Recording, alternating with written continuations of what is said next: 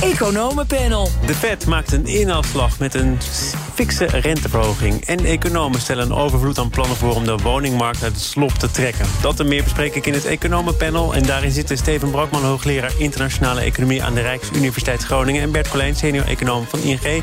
Welkom heren. Goedemiddag. Laten we beginnen aan de andere kant van de oceaan. De Fed heeft de grootste rentestap van de afgelopen 30 jaar gezet. Jerome Powell, de president, leek een tijd af de koers op verhogingen van zo'n 50 basispunten. Kwam uiteindelijk woensdag op 75 basispunten uit. En daarmee komt de rente voorlopig uit tussen de 1,5 en de 1,75 procent. Uh, grote schok op de financiële markten. Of Steven viel het achteraf wel mee? Nee, dat viel niet mee. Die, die schok was groot. Um, en de, de rentestijging of die renteverhoging was ook groter dan verwacht was. Dus men verwachtte eigenlijk wel een, uh, een, een half procentpunt. Nou, dat is iets meer geworden. En het doel was ook om een signaal te geven... wij nemen die inflatiedreiging echt serieus. Dus als je naar de Amerikaanse economie kijkt... dan zie je ook dat die inflatie, uh, ja, die nestelt zich nu in de economie. Dat zien we ook in Europa. Uh, consumenten die verwachten nu ook dat die inflatie blijft bestaan. Dus die FED die wil nu echt ingrijpen. En het signaal geven dat, dat het serieus is. Dat we Wil de Fed echt ingrijpen, Bert? Want uh, een interview gisteravond, ik heb me even kort laten bijpraten... met uh, Loretta Mester, president van de Fed in Cleveland... ook lid van het rentecomité van de Fed. Zij zegt, die inflatie, wen er maar aan, die is nog jarenlang hoog.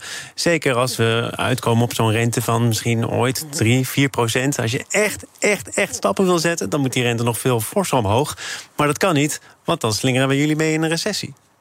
Nou ja, kijk, dat is natuurlijk het interessante. Uh, in de uh, VS zie je eigenlijk dat de focus nu juist heel erg op die inflatie ligt. En er zijn natuurlijk zoveel vetbestuurders, zoveel meningen. Uh, nou, ik haal hier zomaar even een lid van het rentecomité aan. Hè? Eh, zo is het, maar daar zijn er meer van. en waar het natuurlijk eigenlijk nu op neerkomt, is dat de Fed gezegd heeft: ja, ehm, wij willen doorgaan met, met renteverhogingen tot wij de inflatie terug onder controle hebben. Dat klinkt logisch, maar de Fed heeft een duaal mandaat. zij sturen in tegenstelling tot de ECB niet alleen op inflatie, maar ook op de arbeidsmarkt. Uh, en wat we zien is dat de Fed eigenlijk hiermee gezegd heeft... Uh, 75 basispunten, uh, wij gaan door totdat de inflatie weer onder controle is. En als dat betekent dat de arbeidsmarkt wat afkoelt... dan is dat maar zo, want we willen er in ieder geval voor zorgen... dat de inflatie onder controle is. Dus dat betekent, als het een recessie zou veroorzaken... Ja, zou de Fed daar misschien niet zo, niet zo van schrikken. Nou, je vraag is eigenlijk, uh, moeten, moeten we nu uh, wennen aan uh, jarenlange hoge inflatie? Nou, ik denk dat dat wel meevalt. Dus die inflatiepiek die we nu zien, hè, 10% en 8%, dat zijn extreem hoge inflatiecijfers. Ik denk dat dat wel mee gaat vallen.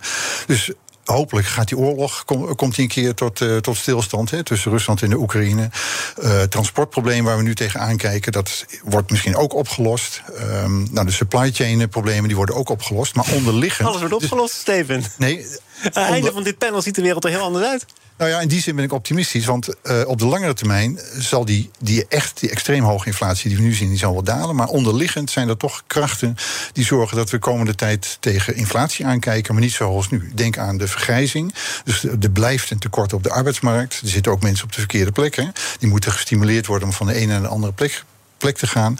Denk ook aan de energietransitie. Energie zal stelselmatig en op lange termijn gewoon duurder worden. Dus los van die piek die we nu zien met de energieprijzen, zal ook op langere termijn de energie duurder worden, omdat we naar een andere vorm uh, van economie toe moeten. Dus de piek verdwijnt, maar we krijgen in de komende tijd wel te maken met uh, inflatiecijfers die duidelijk hoger zijn dan de afgelopen tien jaar. Bert, laten we de woorden van Powell toch nog even ontleden. Want jij zegt, ik maak eruit op dat hij tot veel bereid is om die inflatie te beteugelen. Heeft hij ook gezegd. Hè? Er bestaat een kans dat wij te ver gaan. Dat is dan maar zo dit moet nu.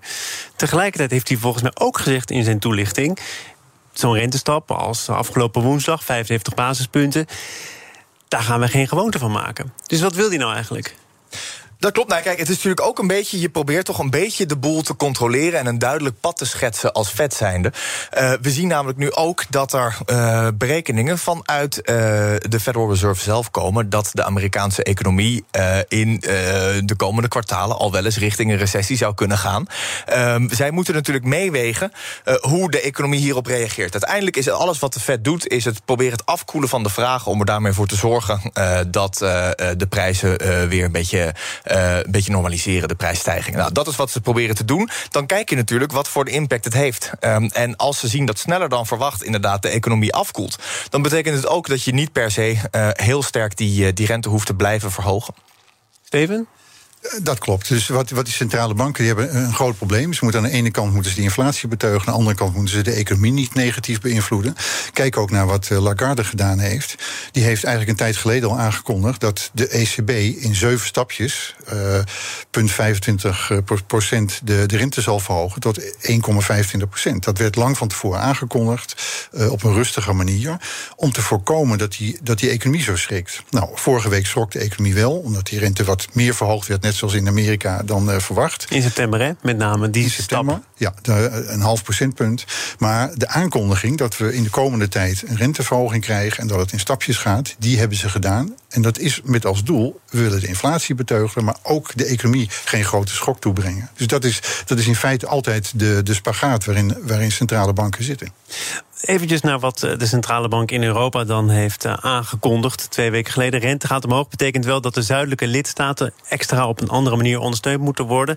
Wordt nu een nieuw instrument voor ontwikkeld. Klaas Knot, president van de Nederlandse Bank, was toevallig afgelopen vrijdag hier te gast bij BNR in de Big Five. En hij zei het volgende. De rente zal omhoog moeten. Wij moeten alleen zorgen dat die in alle landen gelijk omhoog gaat. Maar dit, gaat, dit instrument gaat ook geen einde maken aan de, de, het feit dat de rentes omhoog zullen gaan. Ook in de Europese periferie. Het is alleen bedoeld om ervoor zorg te dragen dat het niet in de periferie nog eens een keer extra veel omhoog gaat. Ten opzichte van de rest van de, het euro. Bert, over, over welk instrument nog nader te ontwikkelen instrument heeft Knot het hier eigenlijk? Ja, het is een instrument wat ontwikkeld moet worden. Uh, daar zijn de ECB-comité's heel hard mee bezig om dat te ontwikkelen. Moet, eigenlijk moet dat volgende maand bij de uh, volgende ECB-meeting klaar zijn. Uh, een instrument wat ervoor zorgt dat de rentes niet te ver, uh, niet te ver oplopen in Zuid-Europa eigenlijk. Voornamelijk eigenlijk dat het in Zuid-Europa niet onmogelijk wordt om bijvoorbeeld een lening te krijgen. Zijn die instrumenten er niet al lang? Draghi heeft toch ook ooit zich hard gemaakt voor een instrument, whatever it takes, en het vervolgens nooit ingezet. Maar het feit dat het er was, dat het achter de hand leek te zijn, was al voldoende. Precies, uh, OMT heette dat. Uh, en dat is er nog steeds. En dat zou inderdaad ook hiervoor gebruikt kunnen worden. Kijk, wat de ECB probeert te doen is eigenlijk een beetje hetzelfde als wat Draghi destijds deed.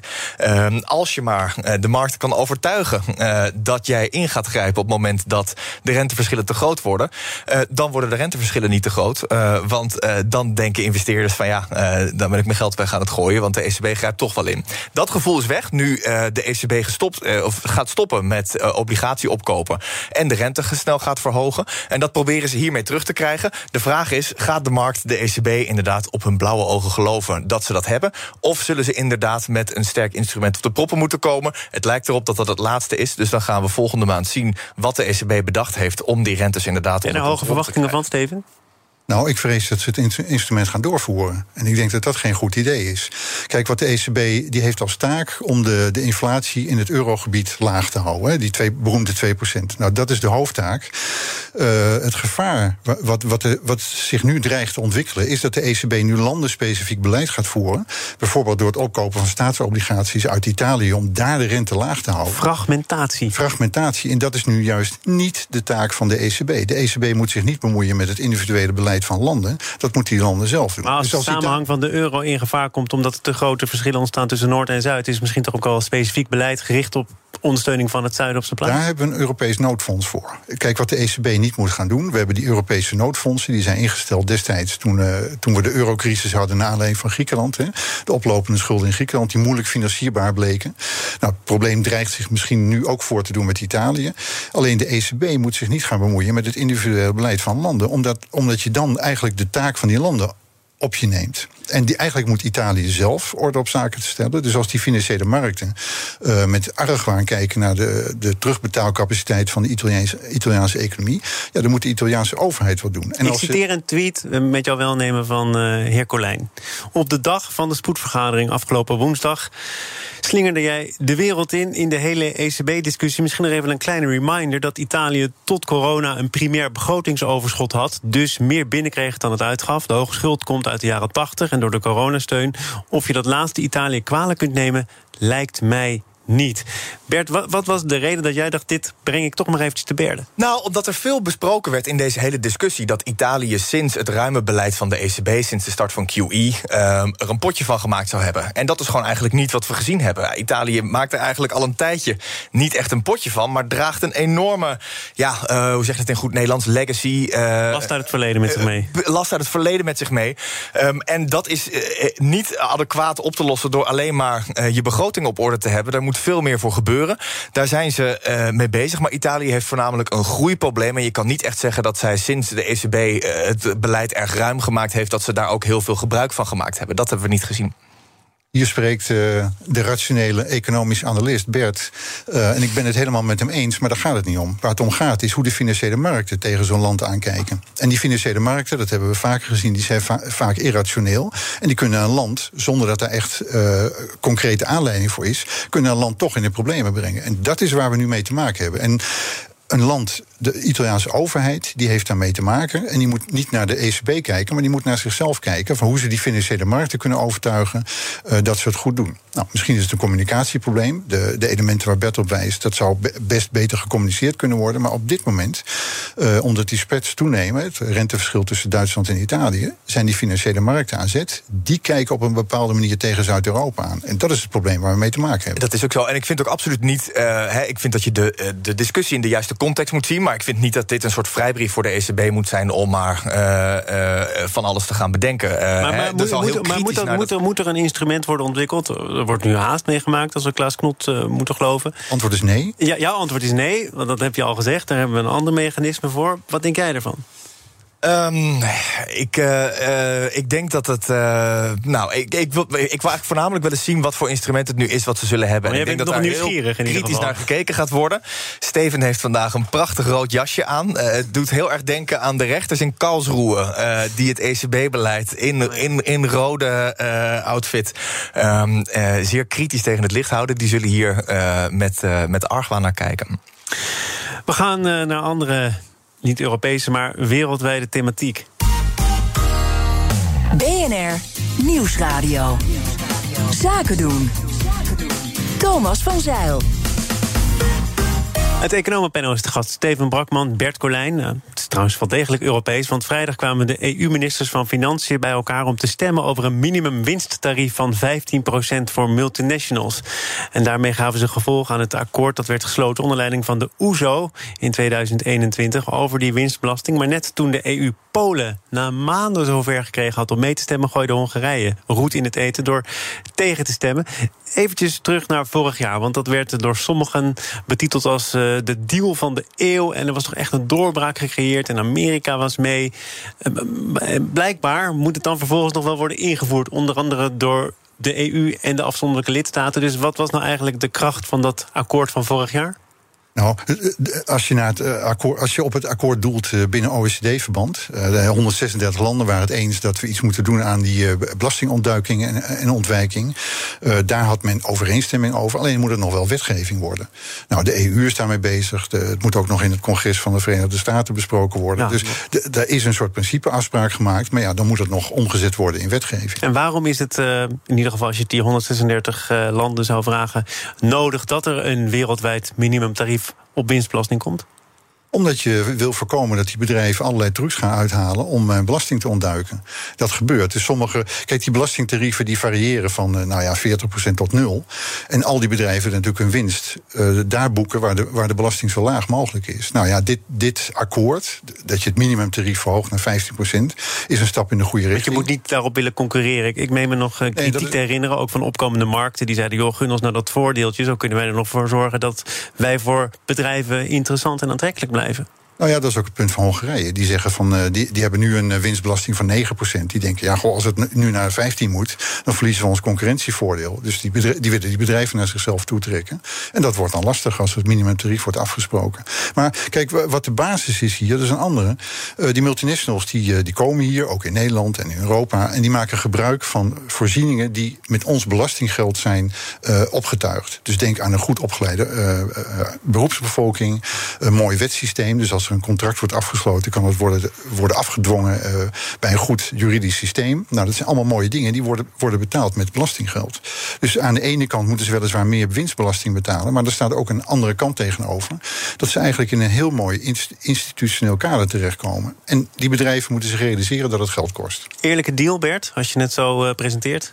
Dat denk ik wel. Nee, kijk, dat, dat is het inderdaad. Hè. De vraag is van wat, wat winnen we daar als, uh, als maatschappij mee als dit het punt is waar je op concurreert? En dat is inderdaad erg weinig, want je krijgt er wel wat voor terug, zoals Steven aangeeft. Uh, en dat geldt niet alleen voor de bedrijven, maar dat is natuurlijk ook gewoon iets waar de maatschappij zelf van profiteert. Dus wat dat betreft is het gewoon een heel, uh, ja, is het een heel redelijk voorstel om dat, om dat gelijk te trekken. En ja, wordt het nu een beetje de politieke arena ingetrokken, nu het de handtekening gezet moet worden? Nou, de politieke arena ingetrokken, maar toch ook wel met wat principiële punten want Polen zegt bijvoorbeeld zo'n minimumbelasting, prima, akkoord. Maar eigenlijk zou dat dan ook wel samen moeten gaan met een digitale belasting. De veelbesproken digitax, ook volgens mij oorspronkelijk uit de Franse koker. Eh, en, en dan, dan hebben we het ergens over. Als dat dan samen kan worden doorgevoerd. Het een wel doen, het ander niet. Dat heeft wat ons betreft geen zin.